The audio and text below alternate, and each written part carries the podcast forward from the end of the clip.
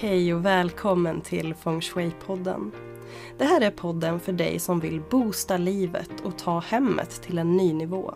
Jag heter Therese Skog och är certifierad Feng Shui-konsult och jag är din guide genom Feng Shuins magiska värld.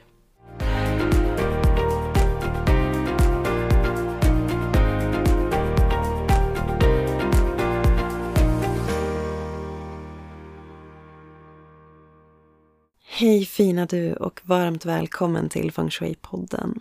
Det här är årets sista avsnitt och jag hoppas att de senaste veckorna har varit precis som du har önskat. Vissa kanske bara har försökt hålla näsan över vattenytan och överleva och det är okej okay det med. Men jag önskar såklart att du som lyssnar verkligen har fått njuta av tillvaron med eller utan julfirande. Och har du inte njutit så hoppas jag att du har njutningen framför dig. Till att börja med så vill jag tipsa om ett spännande event som arrangeras av Svenska Feng Shui-förbundet i februari. Den 24 februari så kommer nämligen Christian Kuriakos till Göteborg för att prata mer om det här med house whispering och Eh, space clearing eller energirensning. Det och mycket annat. Eh, Christian var ju gäst i Feng Shui-podden avsnitt 78 för dig som har missat det. Och det finns också upplagt som en video på Youtube. Jag tror att du kan hitta det genom att söka på Feng Shui-podden eller Skogliving. Eh, och det är ju för dig som hellre kollar än lyssnar. Men sista anmälningsdagen är någon gång där i början på februari så vänta inte för länge utan boka din plats nu innan det blir fullt. Jag är helt säker på att Christian kommer bjuda på massor med spännande kunskap och inspiration som hjälper dig att bli mer vän med ditt hem och energierna som du har inom och omkring dig. Men nu lider ju 2023 mot sitt slut och vi välkomnar snart ett nytt år. I början av februari så firar man inom kinesisk kultur nyår. Då går vi in i en helt ny energi. Vi lämnar kaninens år bakom oss och säger istället hej till draken.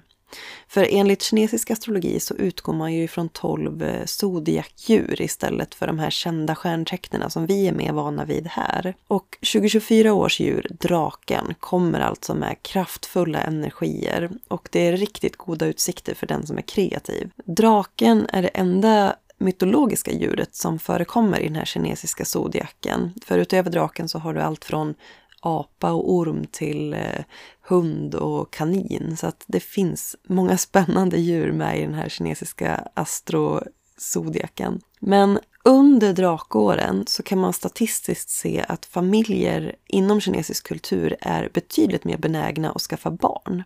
Och det här är för att drakar generellt förknippas med framgång och styrka och tur.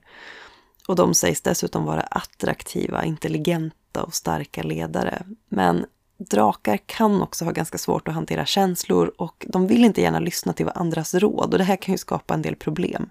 De är ganska envisa och kan ofta ha lite kanske besvär med tålamodet. Ja, jag kan jag kan nog nästan skriva under på de flesta punkter där faktiskt. Jag är själv född i drakens år. Och att vara kvinna och född i drakens år, det är något som man helst inte vill ha inom kinesisk kultur. Man vill ha män, pojkar som föds under de här drakåren. För kvinnor sägs bli lite besvärliga om de är drakar. De blir lite för starka och envisa.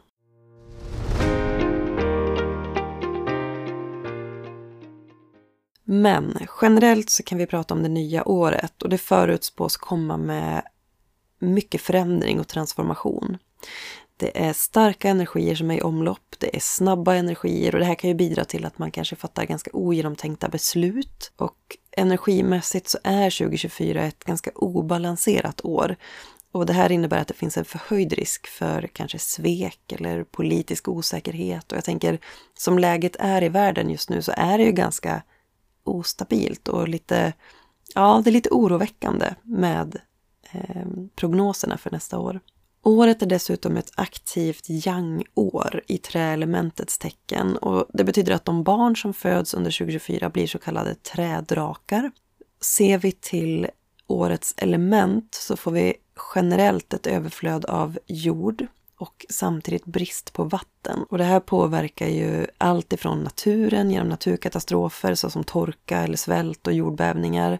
Men det kan också påverka familjer och på individnivå eh, genom Jag tänker framförallt en, en större risk för konflikter och ekonomiska svårigheter. Men det här ska också tas med en nypa salt. Man ska vara medveten om att det är olika för varje individ exakt hur vi påverkas av de rådande energierna i världen. Och dessutom så förekommer det ganska stora variationer energimässigt när man kollar månad för månad också. Men det är ändå på något sätt en tydlig indikation på ostabilitet och därför så kan det vara bra att man kanske under det kommande året är lite försiktig när det kommer till sociala relationer eller stora viktiga beslut och förändringar.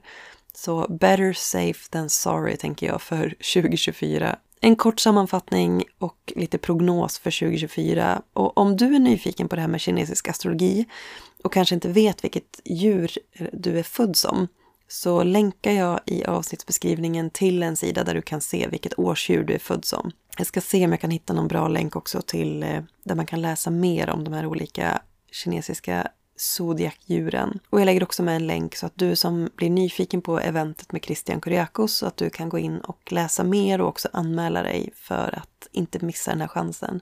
Och jag ska också tillägga att om du vill komma på eventet med Christian den 24 februari i Göteborg så är det ett grymt bra erbjudande för dig som blir stödmedlem i Feng Shui-förbundet.